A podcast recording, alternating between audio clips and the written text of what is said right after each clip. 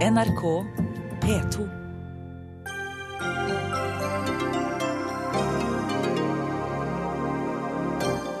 I søkkrike Norge vokser stadig flere barn opp i fattigdom, viser ny Nav-rapport. Regjeringen tar penger fra de fattigste ungene og gir til de rikeste mennene, sier SV, og møter barneministeren til debatt. Samtidig eier verdens 1% rikeste halvparten av verdiene på jorda. Hvem er de, hva bruker de pengene til, og gjør de godt eller vondt, lurer vi på. Muslimer verden over demonstrerer nå mot Mohammed-karikaturene. Hundretusener protesterer i gatene i Tsjetsjenia. De har brent to av kirkene våre og en skole, sier norsk kristen misjonær i Afrika. 16 år gamle Martin Ødegaard har signert med storklubben Real Madrid. Den største idrettsprestasjonen vi har sett på mange år, mener sportskommentator.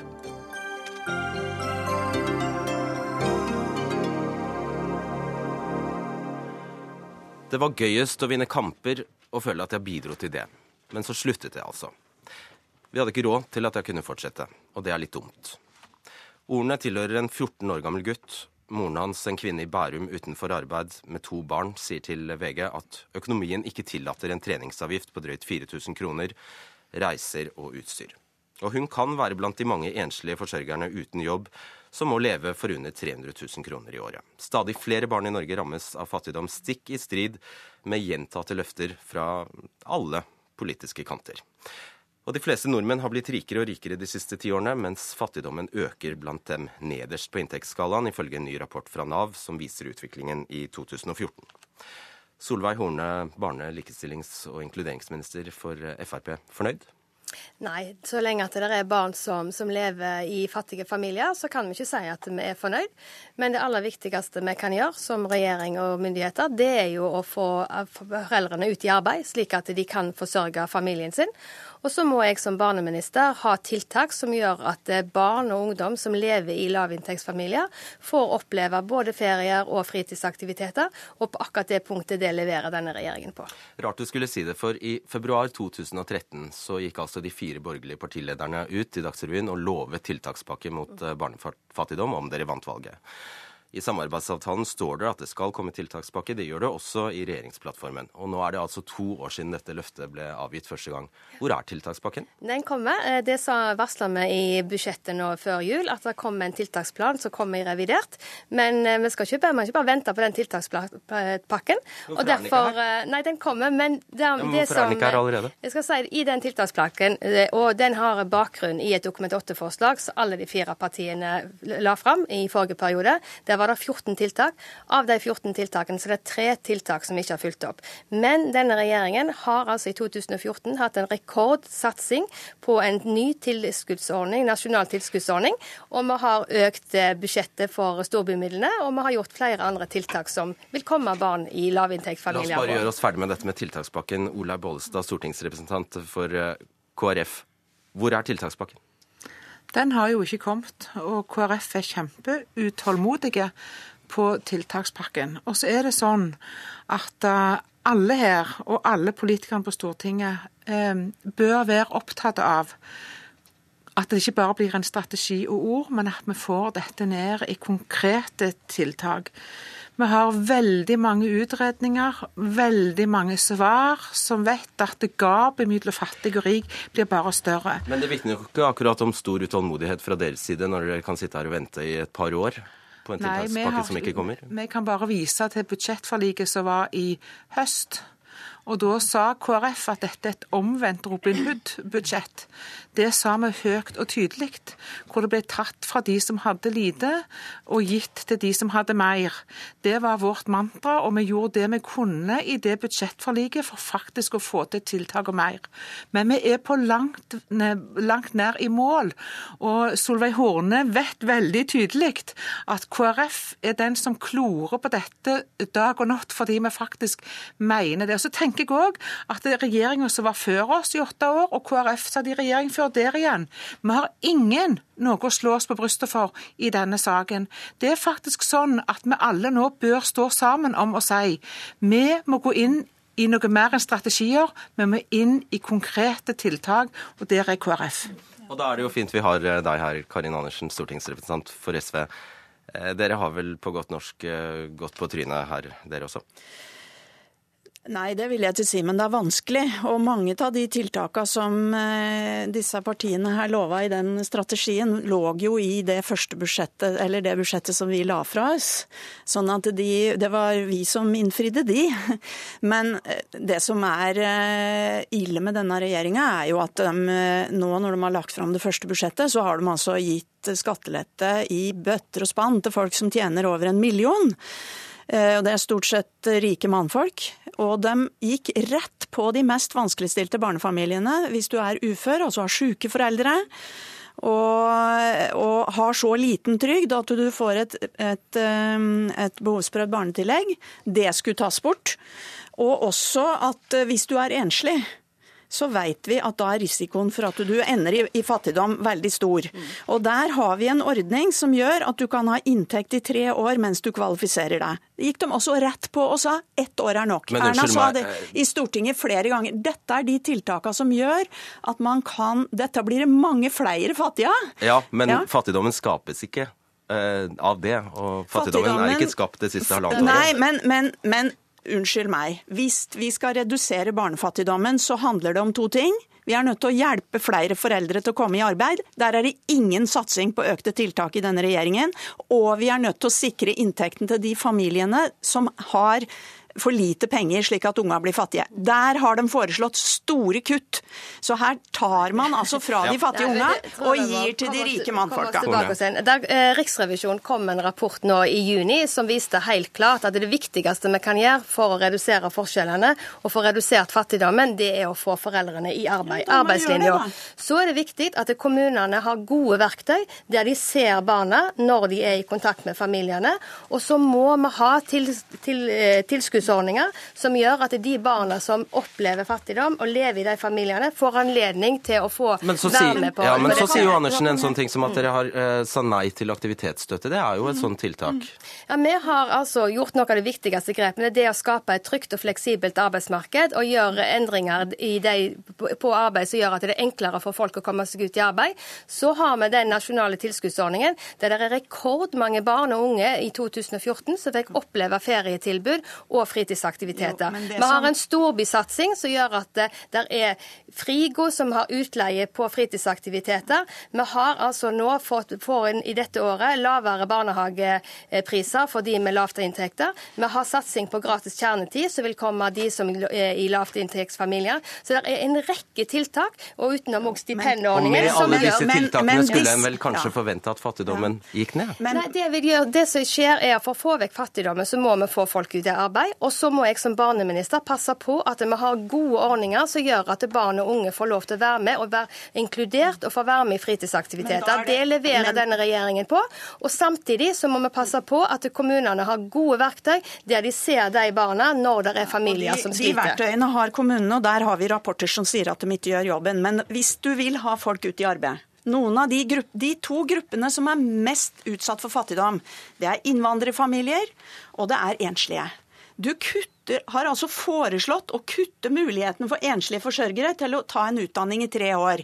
Den ordningen er evaluert. Det er arbeidslinja så det griner. Folk får jobb og kan forsørge seg og unga kommer ut av fattigdommen. Nå skal de bare få ett år. Hva i all verden for slags jobb er det du får når du har kvalifisering ett år? Så har vi Jobbsjansen, som er et målretta tiltak til de innvandrerkvinnene som har vanskelig for å få jobb. Det er en god ordning, dere har beholdt den, men hvis du vil at disse familiene skal få inntekt, så må du jo satse på det, da. Og ikke ha altfor få tiltak. Og så til slutt, dette med, med, eh, med, med eh, det som unger skal få. Unger trenger en egen rett til aktivitetsstøtte, slik at de kan leve av et noenlunde vanlig liv. Og så må vi slutte å avkorte barnetrygden for fattigdom. Det gjøres i dag, det gjør kommunene. Din regjering har regna ut at vi tar 310 millioner kroner fra disse familiene hvert år. Det er ikke noe rart at disse unge har det vanskelig. Veldig kort svar på det nå. Overraskende at det er kommet fra SV, som har sittet i åtte år nå, og den fattigdommen har- har altså ikke forsvunnet. Denne regjeringen leverer både på arbeidslinja, både med tilskuddsordninger som gjør at barn og unge får en bedre hverdag. Og så kommer det nå en strategi, det har vi varsla i budsjettet i 2015. Den Det skal vel komme opp- mer enn en strategi? Ja, Det blir fulgt opp med penger. Og det er et godt samarbeid med de, de borgerlige partiene, og skal følges opp den samarbeidsavtalen Ja. og det som, som de partiene har. Bare en liten avklaring der, Bollestad. Du er klar på at det må komme mer enn en strategi? Ja, det må komme en handlingsplan, fordi at eh, fattigdom er et mangehoda troll. Det handler om utdanning, det handler om jobb, det handler om boforhold, det handler om kanondyre fritidsaktiviteter og krav som unger får via andre. Det handler om barnehagepriser. Det handler om så ufattelig mye mer enn det som bare er én ting. Og Derfor så tenker jeg at en handlingsplan må gå inn på flere områder. Og så tenker jeg og KrF at vi må også styrke de fellesarenaene som vi har, som har flere voksne som ser. For er det noen som er flinke til å dekke over mor og far, så er det unger. Og da, å, å forsvare mor og far, så er det unger. Og Derfor så er KrF opptatt av vi må ha flere inn i skolen, så vi ser disse ungene tidlig nok. Og det tenker jeg, Vi må ikke bare se dem, men da må vi faktisk melde ifra. Og så må vi ha tiltak som vi da kan gå inn med. Og meg det er ikke viktig om det heter en tiltaksplan eller en handlingsplan. Det viktigste her er at vi faktisk gjør noe slik at disse barn og unge får, en bedre, eh, får lov til å være med i fritidsaktiviteter og ferier. Og det, ja, det da- leverer vi på. Men, men det er jeg enig i både- satsingsområder Men det er Karin- inn mot budsjettet som vi er nødt til å få det- på plass. Men jeg er helt enig i alt dette som blir sagt. Men vi må slutte som politikere da, å krangle oss imellom hvem som gjorde hva. For det er ingen andre enn de ungene som sliter som taper på det. Vi må kunne gå sammen om å si at vi har ikke vært gode nok noen, og vi er nødt for å komme med konkrete tiltak på tvers, som vi vet over tid virker. Og vi er nødt til å være villige til å flytte av penger. Ja. Vi er nødt til å være villige til å flytte av penger til disse vanskeligstilte barnefamiliene. Både når det gjelder inntekt, og når det gjelder hjelp til å komme i jobb. Og også på bostøtta, som Mm. denne regjeringa har kutta. Så dette handler om at vi må fordele penger mer rettferdig. Ja. Og ikke, Jeg har lyst til å stille begge Ja. to et siste spørsmål. Jeg må svare veldig raskt. Når eh, Nav da slår fast at noe av årsaken her er at fattigdom forefinnes i, i familier med innvandrerbakgrunn, og det stadig kommer nye innvandrere, så er jo dette et helt bevegelig mål. Da blir man ikke kvitt dette.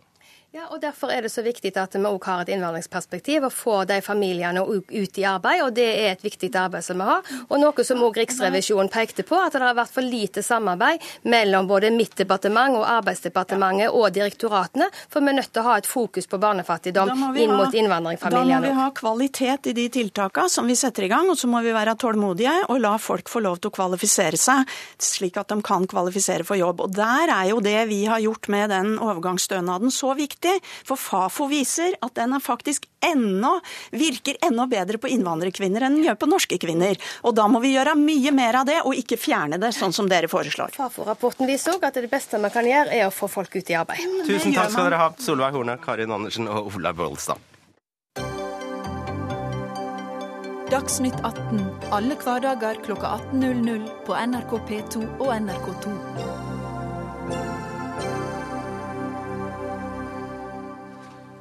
Den globale ulikheten vokser. I 2016 vil de rikeste 1% eie over halvparten av verdens verdier, ifølge en rapport fra den britiske hjelpeorganisasjonen Oxfam. Og dermed vil de altså eie mer enn resten av oss til sammen. Eh, Karen Helene Ultveit Moe, du er professor ved Økonomisk institutt ved Universitetet i Oslo. Hvorfor har det blitt sånn? Jeg tror det er tre forhold. Det ene er teknologisk utvikling. Eh, Det andre er globalisering. Dessverre, vil jeg si. For det har også hjulpet veldig mange mennesker ut av fattigdom. Og det tredje er politikk. Hva er det med teknologien? For teknologien har de siste ti- tiårene hatt eh, veldig ujevn utvikling. I den forstand at vi har fått en ekstremt eh, eh, mer eh, det, det, Vi har blitt mye mer effektive når det gjelder å produsere ting. Så industri, og det som resultat av det, har da industrisysselsettingen da gått voldsomt ned. Og alle de som da mister jobben sin der, de må få jobber et annet sted. Og det er ikke så lett. Eh, da Det må noen kreative hjerner til for å skape alle disse nye arbeidsplassene. Og det tar tid. Og vi har, ser jo i den vestlige veien vi har stor arbeidsledighet. Og jeg tror at det, og det er noe av grunnen. Mm. Kalle Moene, du er også professor ved Økonomisk institutt ved Universitetet i Oslo. Eh, vi vet jo kapital avler eh, kapital. Eh, hvem er disse 1 Ja, mange av de bor i USA. De bor i rike land, stort sett. Og så er det tynt fordelt på noen store land som Kina, India. Nå er det ikke noen som helt har gitt de navn og telt de opp eh, overalt i verden. Så jeg vil si også det at nå er det litt konkurranse mellom forskjellige organisasjoner å komme med stadig verre tall etter hvert som eh, utviklingen går. For det er ingen annen måte en kommer i media på enn at tallene stadig forverres. Så jeg vet ikke om jeg ville liksom tatt det helt som opplest og vedtatt akkurat på desimalen, det som eh, blir sagt her. Men det som er åpenbart, er at eh, at det er en stor ulikhetskrise i verden, og at mange av de rike, rikeste, deres egne interesser trues av at ulikheten blir stor. For det er politisk ustabilitet, det er eh, større sosial eh, usikkerhet i befolkningen. De landene der eh, økonomien ikke går spesielt godt, når du samtidig ser at den veksten som tross alt finnes, den går til stort sett det 1% eller iallfall de 10% rikeste, da har det ingen legitimitet og, og, folk blir grinete, og det er det grunn til. Men de er mange, da. Hvis det er 1 av 7 milliarder mennesker på jorda, så er det snakk om 70 millioner, like mange som det bor i Tyrkia. Ja. Så det, Derfor så blir det ofte misforstått, men det er likevel fullt urimelig at uh, en hundredel av befolkningen skal eie halvparten. Ja, hvis du foreslår det i mindre skala, så vil folk synes det er helt urimelig. Så uh, det gjør det ikke bedre at uh, at antallet er stort. Men av og til snakker vi som om eh, som om at det bare er USA. Det, altså i, i, Norge så er det 1,8 milliardærer per million innbyggere. I Sverige er det 1,9 milliardærer per eh, million innbygger. I USA er det 1,5 milliardærer per million innbyggere. Men de milliardærene i USA er mye rikere enn milliardærene våre. Vet vi om det finnes noen nordmenn på den lista? Eh, ja, det er åpenbart at det finnes nordmenn på den listen. Det er 1% så det er åpenbart at det finnes nordmenn på den listen. Eh, men jeg vil mm, eh, ta et lite formål om at det finnes en klar liste. Formuestall i verden er, er usikre, og ikke, dette er anslag. Ultveitmo, over hvor lang tidsrom har de samlet seg opp denne rikdommen? Det er jo veldig individuelt. Men jeg har bare lyst til å ta tak i ta tak i Men hvordan har utviklingen gått? var det jeg mente. Ja. Den, har, den har eskalert eh, eh, over det siste tiåret, tror jeg det er riktig. Det her kan kalle inn dette bedre enn meg. Men jeg tror at det, eh, det, det er jo noe med det, Jeg syns egentlig det er litt irrelevant på en måte da, nå hvor fort det har gått. Det, det, det, det, viktige er på en måte hva som er status i dag. Og, har, og I forskningsmiljøet har man vært opptatt av dette her nå de siste 15 årene. Så skjer det noen ting som kommer sånn som prikketid, og så får det voldsomt mye mer oppmerksomhet. Men det er jo et klart problem, og det er nettopp at det skaper politiske problemer. Jeg er underviser i internasjonal handel. Jeg er veldig opptatt av at internasjonal handel bringer verden og gir økonomisk vekst. Men samtidig så er det noe med måten vi nå fordeler de gevinstene fra handelen på den er, ikke, det, det, den er ikke, god nok. Eh, og vi, og som refleksjon av det så ser vi at vi, når vi har holdningsundersøkelser i nå eh, store vestlige land, herunder da USA, så ser vi at folk vil ikke lenger ha globalisering. Når de blir spurt om de tror at handelen ikke gagner de, så sier de nei. Eh, og det gjør jo noe med nettopp politisk oppslutning om viktige systemer som vi da har, har trodd på, som jo da, da som ikke er bra, og som kan skape problemer for veldig mange. Og, og, med god grunn så skjønner jeg at de ikke da føler at de, de tjener noe på det. Mm. Du spurte hvordan utviklingen har vært. Altså Det som er en sentral hypotese som mange tror på, er at det er en tilbakevending til forhold som var dominerende på 1800-tallet. Mens vi har hatt en periode på midten av forrige århundre der du hadde fallende ulikhet, og andelen av topp Eh, som de aller rikeste ene prosenten fikk i de flere land, var synkende. Så fra 70- 80-tallet så har den vært eh, økende, akkurat som eh, det ble sagt her. Men jeg skal bare si en ting. at det, det er, det er det, jeg tror det er viktig å ha et litt lengre perspektiv på tingene. For det er også de sosiale organisasjonene som har beskyttet folk mot de politiske konsekvensene av stor konsentrasjon av inntekt og formue til noen få, de organisasjonene er på tilbakegang i verden. Det er fa fagforeninger, f.eks. For også foreninger av fiskere, bønder og videre, som har organisert seg til å, som en motvekt mot konsentrert eierskap og konsentrerte inntekter. De er på tilbakegang så å si over hele verden, med et lite unntak for Skandinavia. Og Det er veldig viktig å, å, få fram at derfor er det mer av en krise nå. Store foreninger som fagforeninger de, de har rimelige tiltak mot urimelig ulikhet. Men eh, mer spontane organisasjoner som du får lett i, i den nåværende situasjonen, de blir mye lettere å komme med urimelige tiltak mot urimelig ulikhet. Og Det er derfor det haster å få disse tingene mer på, i, i, innenfor folden igjen. Men, men, men, grunnen til at de er på vikende front, er, en viktig grunn til det er jo at vi har fått hele det kinesiske arbeidsmarkedet inn i verdensøkonomien etter rundt 2000.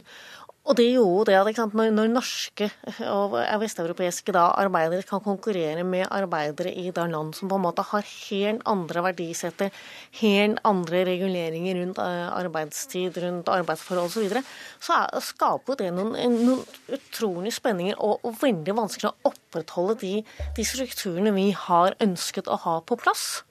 Uh, og det er jo på en måte, det som er litt trist med det, er jo samtidig at det, de økende ulikhetene i Vesten har samtidig vært blitt speilet av at veldig mange mennesker har blitt løftet ut av fattigdom i Asia. Eh, men, men så kommer det vesentlig at hva, hva, gjør vi med det? Ja, og der syns jeg at en del av de, de, de, eh, de forslagene som kommer opp, ikke på en måte er litt utopisk, for å si det slik. da. Jeg er redd vi får ta det neste gang. Tusen takk skal dere ha, Karen, Marie, Karen Helene Utveit Moe og Kalle Moene.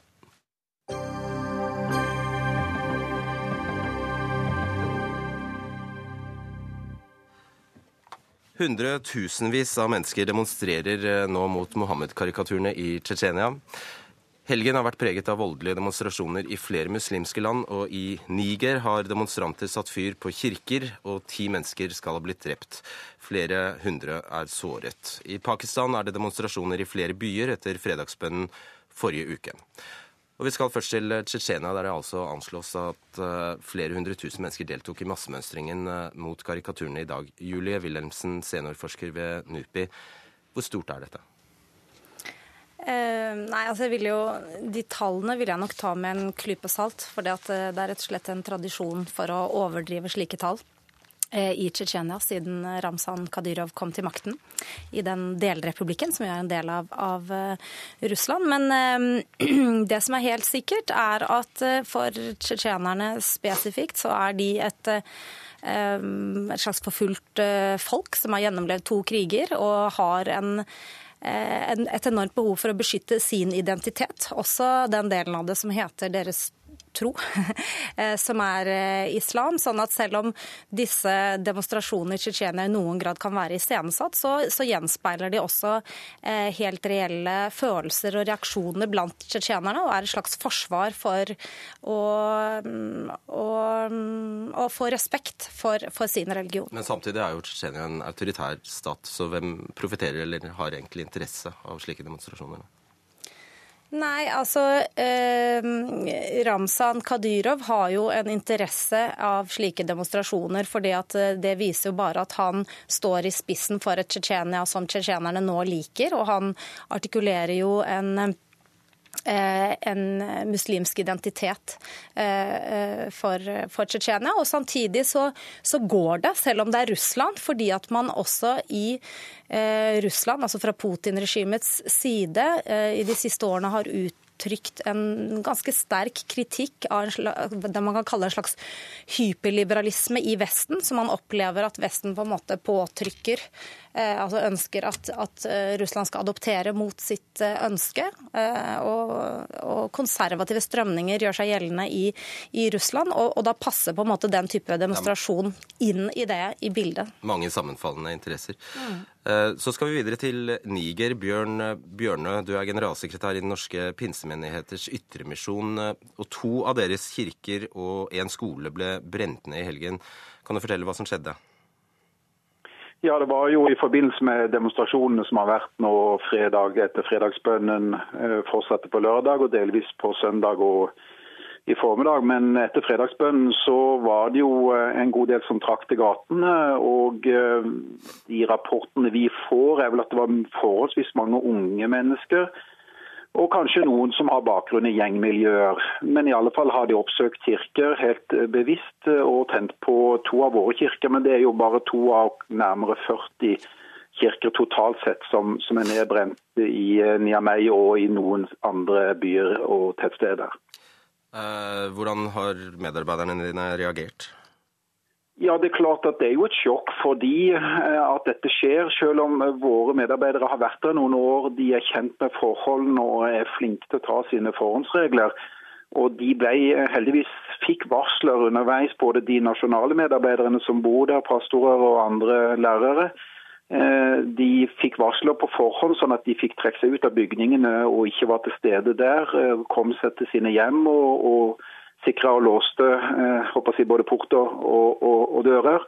Eh, så, så, men det er klart når de da får rapportene om hvor uh, grusom uh, hendelsene har vært sånn totalt sett, ikke bare for våre to kirker og, og skolen uh, og denne barnehagen som er knytta til det, men det er klart det omfanget som er nå, det er jo noe som naturligvis bekymrer.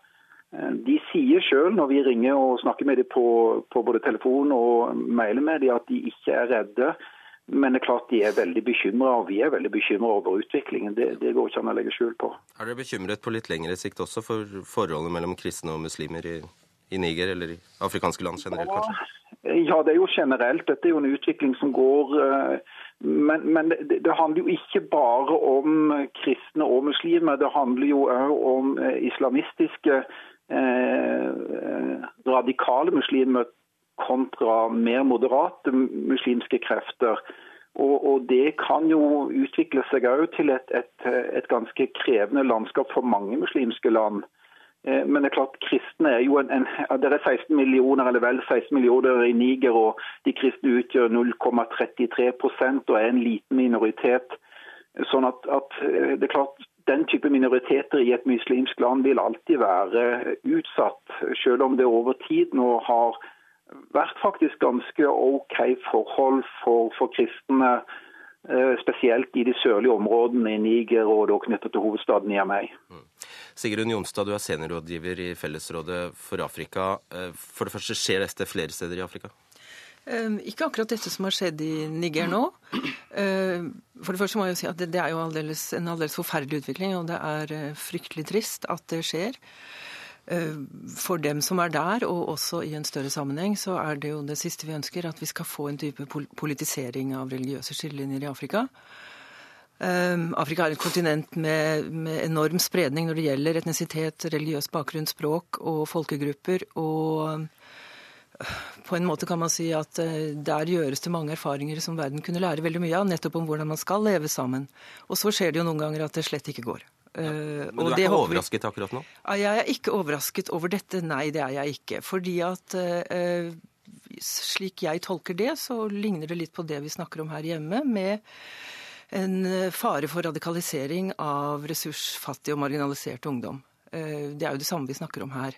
Altså disse, nå vet vi veldig lite, vi har ikke mye faktabakgrunn når det gjelder Niger og det som har skjedd der, men som jeg forstår det, så er det, som også pinsemenighetens representant påpeker, altså ungdom som har hatt tilknytning til gjengmiljøer, altså ungdom med lite stabilitet i livet og som er lette å, å, å føre på ville veier.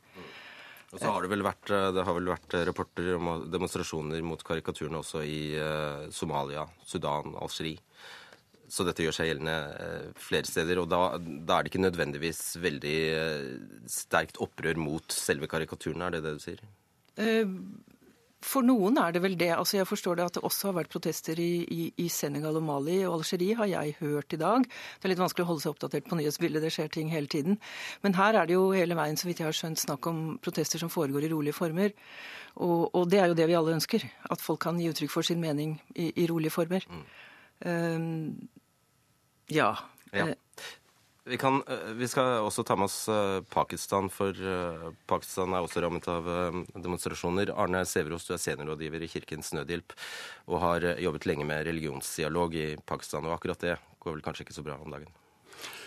Jeg vil si at akkurat det går faktisk ganske bra akkurat nå for dagen. For, for, for, jeg tror på en måte så langt, også i Pakistan, så har dette primært skjedd på en ikke-voldelig måte. Det har vært massive demonstrasjoner, men det har ikke gått utover folks liv og helse. Og litt av bidraget er at bl.a. kristne og muslimer, og også folk fra andre religiøse minoriteter, har demonstrert sammen for å protestere mot det som har skjedd. Og de mener at generelt denne typen karikaturer eh, som nå har blitt gjort, er noe man helst ikke ville sett skulle være der i det hele tatt, også fra de andre gruppenes eh, synspunkt. Og nettopp pga. at man da har relasjoner, man jobber sammen, så har dette blitt en måte å, å gi uttrykk for dette sammen på. Så den diskusjonen vi har her om ytringsfrihet og grensene for, eh, for den, den er helt gresk? På ingen måte. Eh, I, i, I, Pakistan så er det jo dødsstraff for denne typen eh, ytringsfrihet. Blasfemi. Slik at eh, Der er det veldig alvorlig. og Dette er en del av folks kultur. Og, så, og det er også årsaken til de massive reaksjonene og demonstrasjonene som man har, er at folk flest personlig føler det som veldig alvorlig.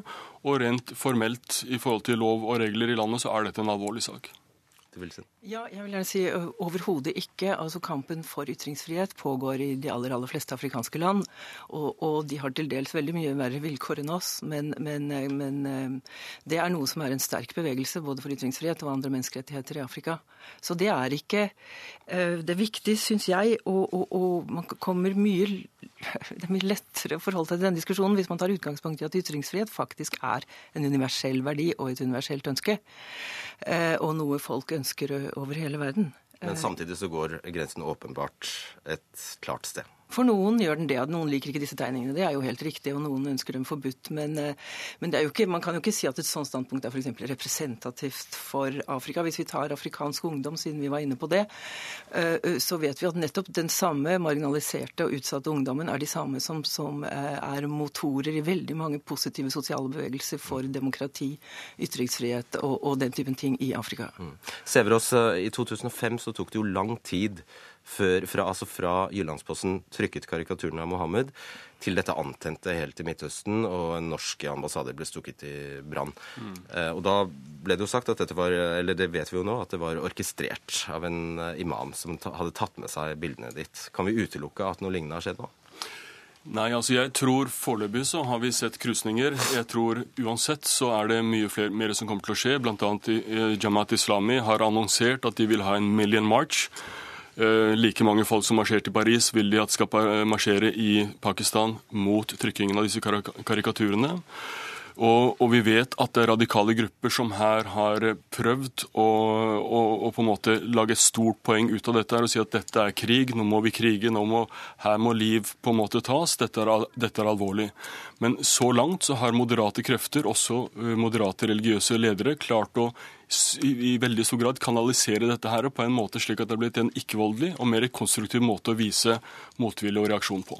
Julie Wilhelmsen, eh, tror du Charlie Hebdo selges i tsjetsjenske kiosker? Hvordan får de tilgang til dette her? Og det er vel ikke lov å vise fram eh, karikaturen engang, så Nei, De selges nok ikke i, eh, i tsjetsjenske kiosker, men det er klart at det finnes et internett i, i Tsjetsjenia også, så der har jo folk tilgang til informasjon om, om, hva som skjer. Men sånn stort sett så er nok Tsjetsjenia noe av det mest uh, lukkede du kan forestille deg. Slik det, slik det er i dag. Uh, veldig restriktivt uh, hva man kan uttrykke og diskutere i det offentlige rom. Mye mer restriktivt enn i Russland for øvrig. Har myndighetene kontroll? Ja, eh, Ramzan Kadyrov har en veldig god grad av kontroll eh, over Tsjetsjenia slik det er i dag. Og han får lov til å ha en mye strammere kontroll egentlig enn det noen annen republikk i, i Russland har. Fordi at Kreml er såpass avhengig av hans hva skal jeg si, jernklo for å holde Tsjetsjenia i ro. Bjørne, eh, har myndighetene i Niger kontroll på situasjonen? Det er nok et litt mer åpent spørsmål, men de er i alle fall i en veldig god dialog med disse pastorene og prestene. Eh, de var og møtte presidenten nå i går. Eh, og de kom jo med ganske gode imøtekommelser i forhold til eh, de kristne, den kristne minoriteten. Og og kommer presten og pastoren i møte. Så de tar i alle fall initiativ. og det er klart at Presidenten som gikk da i, i tog i Paris etter karikaturtegningen, det er jo et, et signal på hva han og myndighetene der vil. Og så er det jo spørsmål om eh, befolkningen har den samme holdningen. Det, det jeg har lyst til å nevne, det var jo at en av de, Vi har en kirke til som ikke ble brent Eh, i, inni av meg. og det Årsaken var faktisk at det var naboer, altså muslimer, som da gikk imellom og sørga for det, i alle fall det vi får som rapporter, uten at jeg kan verifisere det, at de gikk imellom og sørga for at ikke den eh, kirka ble brent. Og En av våre pastorer som mista alt, han ble varsla og hjulpet til side av andre naboer. Så, så det, det, er viktig å, å, tegne et bilde av at, at, her handler det ikke bare om det ekstreme. Det er mye moderate krefter som egentlig ønsker å få lov å leve i fred. Jeg tror jeg har lyst til å avslutte med det lille lyspunktet der. Takk til Sigrun Jonstad, eh, Arne Sæverås, Julie, Julie Wilhelmsen og Bjørn Bjørnar. Hør Dagsnytt 18 når du vil. Radio NRK Radio.nrk.no.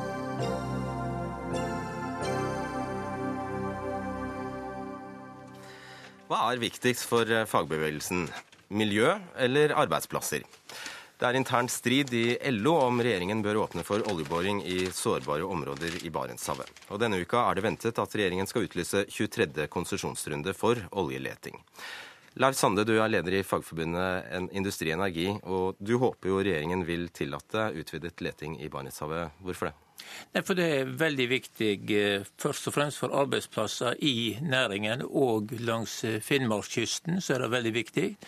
Det er òg et viktig signal til næringen, nå når de har eh, brukt masse millioner kroner på seismikkskyting, at de, eh, regjeringen følger opp det de har lovt. Altså at ikke Norge blir stående som et uh, upålitelig samfunn i forhold til internasjonal oljevirksomhet. Slik at vi mener det er på en måte framtida vår som skal sikres gjennom uh, oljeleting i Barentshavet. Jon Leirvåg, du er leder i Norsk tjenestemannslag, og du håper regjeringen sier nei til utvidet leting i Barentshavet. Hvorfor det? Jo, det stemmer. Det er, det er, to årsaker til det. Eh, det ene er at dette er spesielt sårbare områder. Det er altså leting helt nord og tett opp til iskanten. Eh, det er det ene perspektivet. Eh, men det andre perspektivet er at vi er nødt til å starte overgangen fra en oljenasjon og til et grønnere og mer bærekraftig samfunn. Eh, og på sikt så må vi da eh, si nei til en del oljeaktivitet, og heller sette innsatsen inn på andre næringsområder. Og jeg mener at det ikke er noe motsetning mellom arbeidsplasser og miljø. Tvert imot, det går an å forene godt. Og vi er i en flott eh, økonomisk situasjon i Norge som gjør at vi har muligheter til å satse på fornybar, og samtidig sakte og rolig fase ut og Eh, eh, opprettholde arbeidsplasser i, i, oljenæringen. Olja har gitt oss muligheten til dette. Men ditt forbund representerer altså ansatte i staten og i virksomheter med offentlig tilknytning. Det er jo ganske enkelt for deg å sitte på kontor og, og være opptatt av klima? Jo, selvfølgelig er det det. Men det er ikke slik at vi bare er opptatt av klima. Det er slik at vi er opptatt av både arbeidsplasser og klima. Og vi mener altså at Norge, Norge, har en unik mulighet til nå å kunne ta omstillingene eh, sakte og over tid. Og hvis vi ikke starter nå, så vil omstillingene bli bråe eh, og få store konsekvenser for enkeltarbeidstakere. Til syvende og sist er jo dette eksistensielle spørsmål, Leif Sander. Hvordan kan det være plass til dere begge under LO-paraplyen? I utgangspunktet er vi ikke så veldig uenige. Vi òg er enige i at dette er sårbare områder. Derfor skal man fare forsiktig fram og bruke føre-var-prinsippet. Og da mener jeg eh, det er gjort i denne saken her. Når en har eh, tildelt disse områdene så langt, så har en tatt hensyn til at dette er så du får ikke bore hele året, og du får ikke bore for nært iskanten og alle disse tingene. Alt dette er ivaretatt. Kan du svare på hvordan det er plass til dere begge i LO? Jo, det er plass til. fordi at uh, Først og fremst er jo vi en arbeidstakerorganisasjon som skal slåss for, for uh, interessene til medlemmene våre. God lønn, god ferie, uh, ikke midlertidig ansettelse. Vi skal streike i lag til Så når det kommer som, til det aller viktigste spørsmålet i vår tid, så kan dere godt være uenige? Vi, vi, så er det da vi er enige. Så er vi òg enige når det gjelder Men det er hvordan ting skal skje. Den måten du vil fremme arbeidsplasser, eller miljø på, den fremmer ikke arbeidsplasser. Du kan sitte og konstruere massevis av arbeidsplasser arbeidsplasser av en karakter som ingen vil investere pengene sine i, og det er det du gjør. De arbeidsplassene som er konkrete, de, de har i oljevirksomheten, de vi kan få ved å utnytte olje og gassen vår mer enn vi gjør. slik at det er der vi er uenige. Måten det blir gjort på. Det er ingen som har vært en større talsmann for meg enn at vi skal holde liv i eksisterende industri og elektrokjemisk industri. Vi slåss som bare nøkken for å holde liv i den med.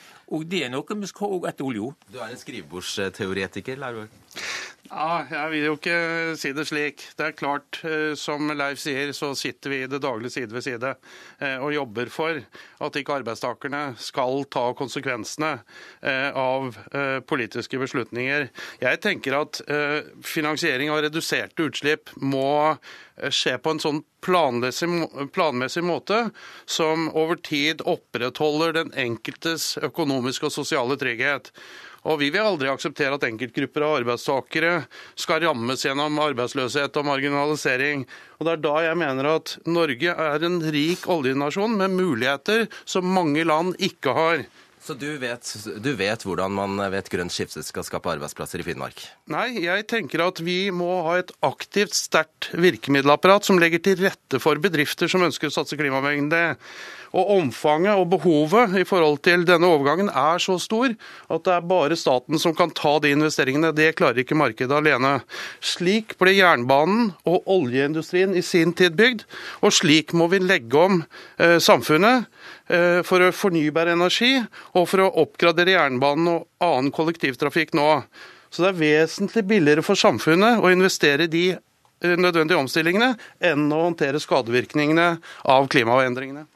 Altså, Vi òg er for, veldig for at vi skal nå togradersmålet. Men da må vi gjøre sånn som FNs klimapanel har foreslått, og ikke bare drive med eh, symbolpolitikk. De har sagt noe som vi heldigvis ikke trenger å gjøre i Norge, men de har sagt vi kan ikke avvikle atomkraften i verden. Atomkraft er viktig. Det andre, vi må ta gassen i bruk for å få erstatta kål. Og for det tredje så må vi begynne med CO2-rensing, og da kan vi nå klimamålet. Og Dette er tiltak som vi slåss for. Men denne symbol... Unnskyld, unnskyld, også har IEA har sagt at eh, to tredjedeler bør bli liggende. De har ikke sagt det. De har sagt at to tredjedeler vil bli liggende hvis vi ikke begynner med CO2-rensing. Og dette er en veldig stor misforståelse. De har aldri sagt det du sier, at det må bli liggende. Men det vil ja, bli liggende. Du har jo ikke noe Mongstad på plass heller? Nei, i Norge har vi ingenting på plass. Og det var ingenting som var leiere for meg enn å få vite at de stroppa CO2-renseprosjektet på min gamle arbeidsplass på Mongstad.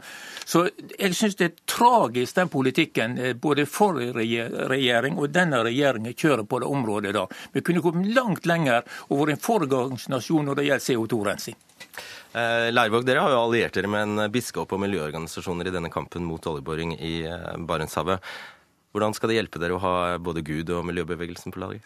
Ja, det, Dette er én enkeltsak eh, i en, en større eh, sammenheng. Eh, det vi har lagd, er en stor allianse eh, mellom miljøorganisasjoner, fagbevegelse, forskere, eh, kirke, besteforeldrenes klimaaksjon osv., som ønsker å se på mulige broer til framtida. Altså fra en oljenasjon og over til en fornybar nasjon. Og Da er det å ta noen politiske veivalg i forhold til enkeltprosjekter eh, viktig og, og, og, nødvendig for å komme det skrittet eh, et skritt på veien. Venter vi for lenge, så blir det bråere omstillinger. Jeg tror jeg ber dere fortsette diskusjonen på Folkets hus, Leif Sande og Jon Leirvåg.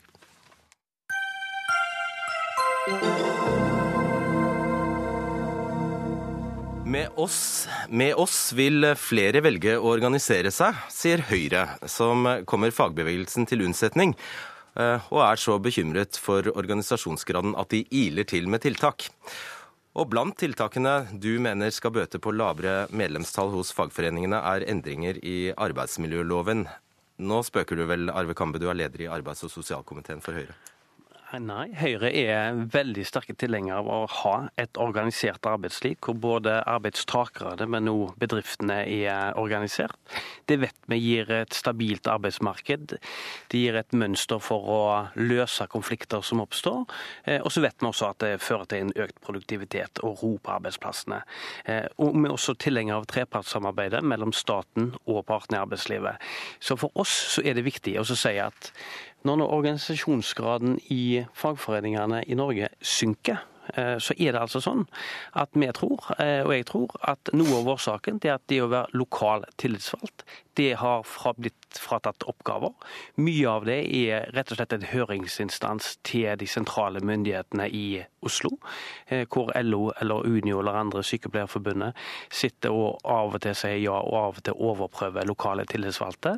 Og det tror jeg bidrar til at mange på arbeidsplassene ikke lenger gidder å være tillitsvalgte, og dermed strever fagforeningene både med å få lokale tillitsvalgte til å fortsette, men òg å få eh, ansatte på arbeidsplassene til å organisere seg. Da skal jeg bare legge til at Det er Dagsavisen som i dag har et oppslag om at uh, Høyre nå altså vil hjelpe fag, fagbevegelsen.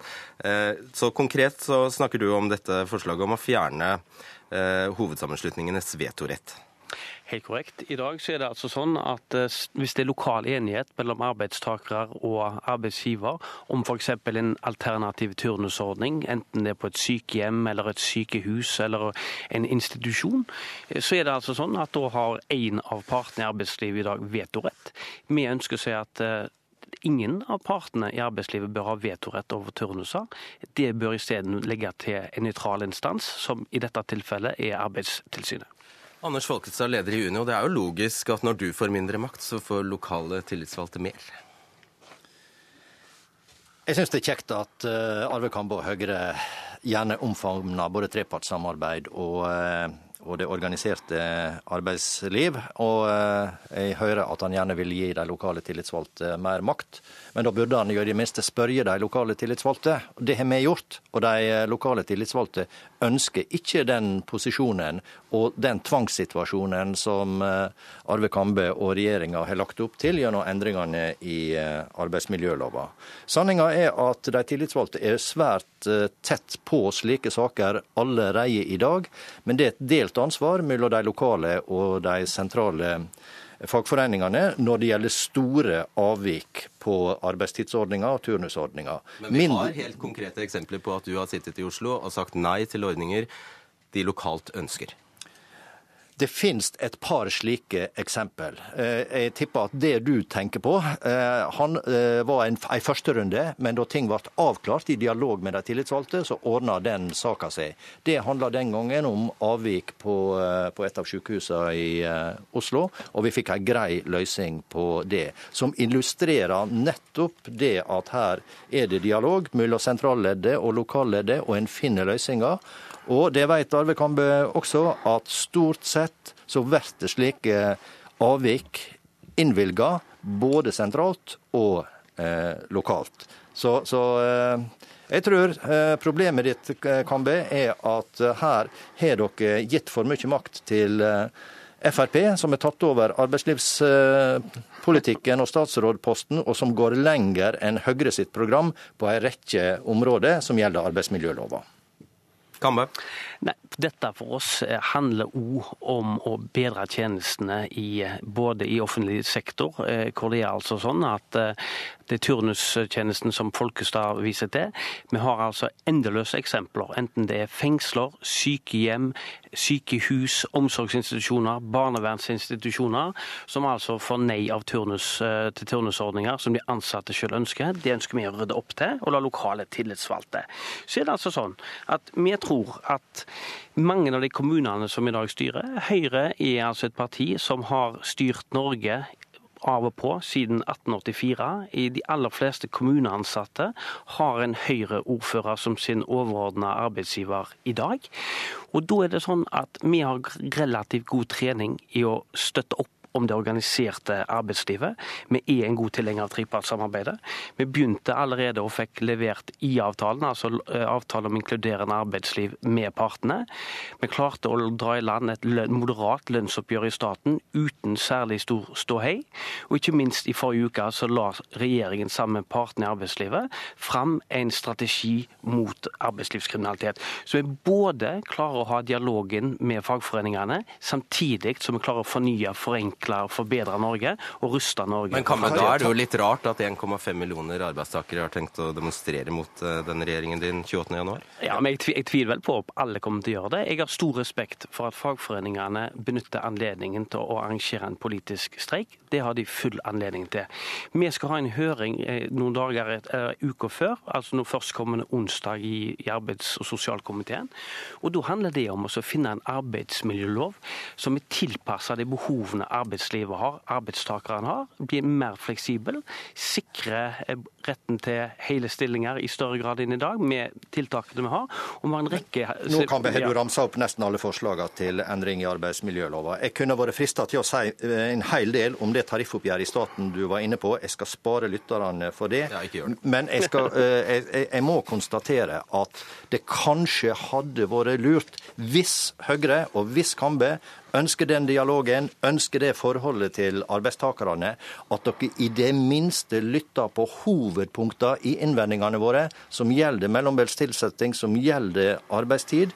Jeg tror at det du legger opp til, er på den ene sida å være mjuk i røsta når vi diskuterer på denne måten, samtidig som du eh, står i brodden for forslag som hele fagrørsla er i, uh, imot. Samtidig som du kanskje overdriver veldig, da. Nei, jeg tror ikke jeg overdriver på dette punktet her. For alle de store organisasjonene er enige om å avvise forslagene som gjelder mellombels tilsetting og mye av arbeidstidsforslagene. Og Det er det som er kjernepunktene i arbeidsmiljøloven. Og så skal vi ta dialogen med Eh, Kambe og stortingskomiteen når vi kommer til, til høring um, i, um, på onsdag. På onsdag er det allerede, og vi skal ha dialogen utover. Det er jeg fornøyd med, det er jeg glad for, men jeg forventer også at dere lytter mer enn det regjeringa har gjort i disse spørsmålene så langt i debatten. Siste ord til deg, Kambe. Ja, jeg er så heldig at jeg har gleden av å lede Høyre sitt arbeidsnettverk, som består av Høyre-medlemmer som er tillitsvalgt i en rekke fagforeninger. Det er LO-forbund, det er Unio-forbund, som Anders Folkestad er godt klar over. Eh, det finnes Høyre-folk som er tillitsvalgte for sine kolleger på arbeidsplassene. Jeg tror at de også kan være med på å øke organisasjonsprosenten. Nettopp det at arbeidslivet, eh, fagforeningsjobbene, ikke bare blir et rød-grønt monopol, eller i særdeleshet et sosialistisk, sosialdemokratisk økonomisk monopol. Det finnes svært mange oppegående Høyre-mennesker som òg kan stille til valg. Og Høyre har da lagt et arbeidslivsnettverk hvor vi altså stiller vår kompetanse og men vår rådighet til Det arbeidslivsnettverket er, er vel og bra, men organisasjonene er tross alt viktigere. Så hvis du ja, vil ha denne dialogen, hvis du vil bryte det du kaller et monopol, så må du jo i det minste lytte på hovedbudskapet vårt. Jeg er glad for at uh, du er villig til dialog. Dere får fortsette den dialogen et annet sted. Takk skal dere ha, Arve Kambe og Anders Folkestad.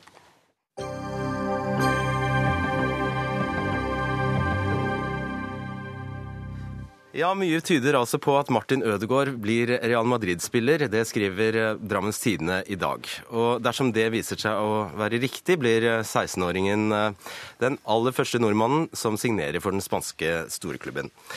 Men eh, Ødegårds far, Hans Erik Ødegård, vil overfor NRK i ettermiddag verken avkrefte eller bekrefte at sønnen Martin har bestemt seg for å eh, melde overgang til Real Madrid. Esten Osæter, sportskommentator i Dagbladet. Ja, Da blir vel spørsmålet hvor sannsynlig det er at han faktisk går dit? Ja, Nå må vi da tro at eh, det kommer til å skje. Og... Vi får stole på Drammensiden. Ja, og så, og så håper vi det. Eh, ja, du håper det. Hvorfor det? Ja, helt, helt åpenbart. Dette er jo et, eh, et, eventyr. Det er noe av den største hendelsen i norsk idrett de siste tiåret, kanskje enda lenger. Det har ikke vært maken til fotballovergang, og fotball er så viktig sport for oss at det, det sier seg sjøl, den rangeringen. Knut Espen Svegården, du er sportskommentator i VG. Eh, er det nå jeg skal gni det inn at du uh, tippet på en annen klubb? Eh, jeg har, vel ikke tippet. Jeg har vel sagt at jeg syns sånn generelt sett at Ajax kanskje er det beste stedet du kan starte på hvis du skal ut av landet, fordi de har en kultur for å la spillere gå når de er litt mer utvikla, og han hadde kommet og fått gå òg. Når det gjelder de andre klubbene, så mener jeg det er litt sånn hipp som happ. Bayern München hadde vært bra, Real Madrid er bra, Barcelona Sikkert et par av de engelske òg, men jeg tror ikke det var aktuelt med England den gangen her. Er du redd for at han eh, kan bli sittende mye på benken? I starten så kommer han nok til å kanskje ikke sitte på benken engang, men han er akkurat fylt 16 år. Og eh, han har veldig god tid, men han kommer til å være i avstanden, og det er det viktigste. Da kommer du til å utvikle det hver eneste dag. Eh, Sæther, eh, hva tror du er årsaken til at han velger akkurat Real Madrid?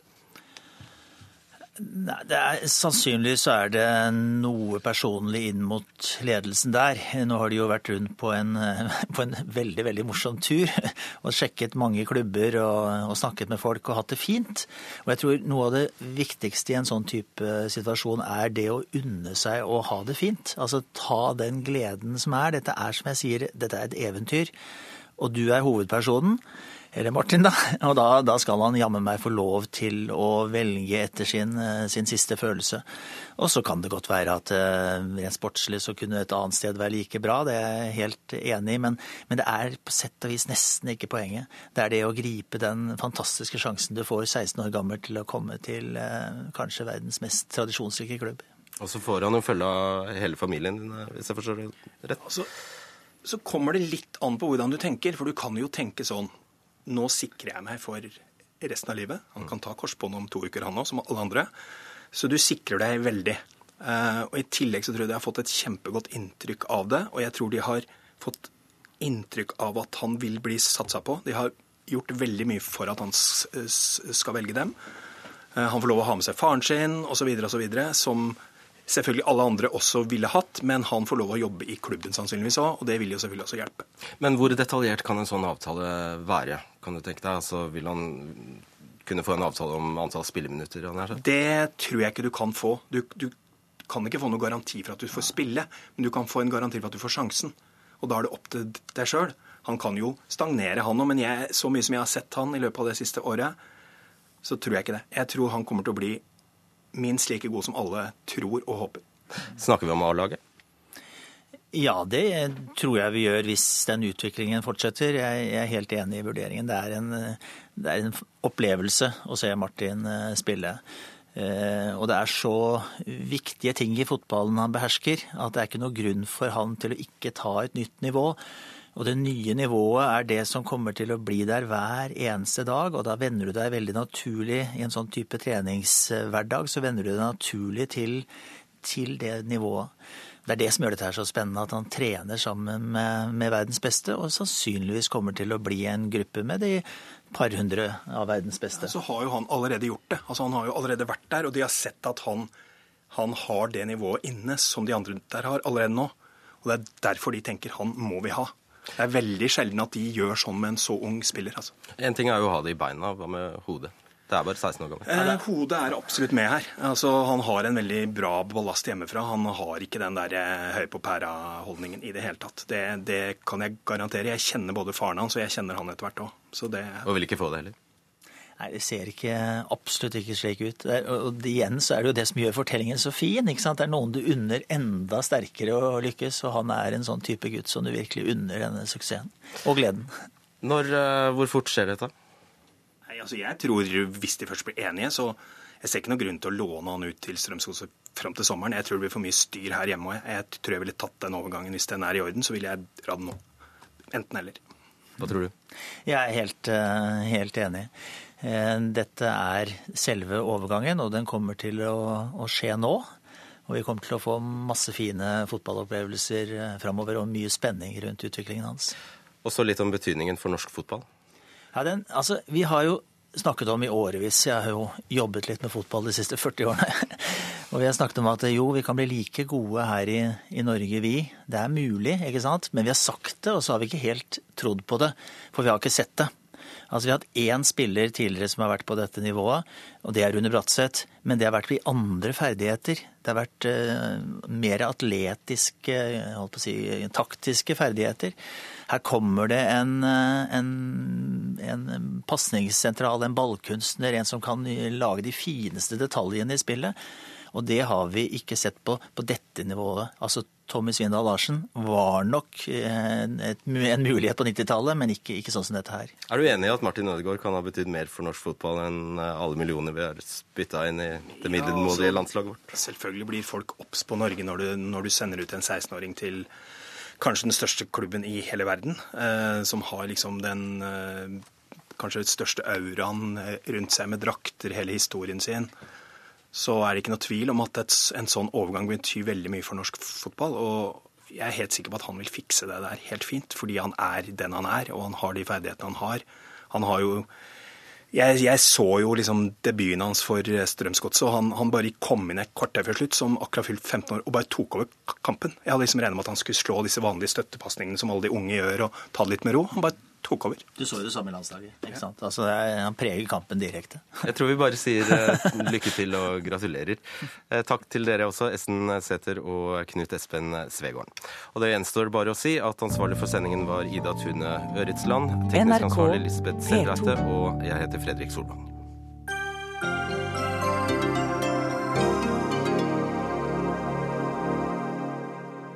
Hør flere podkaster på nrk.no podkast.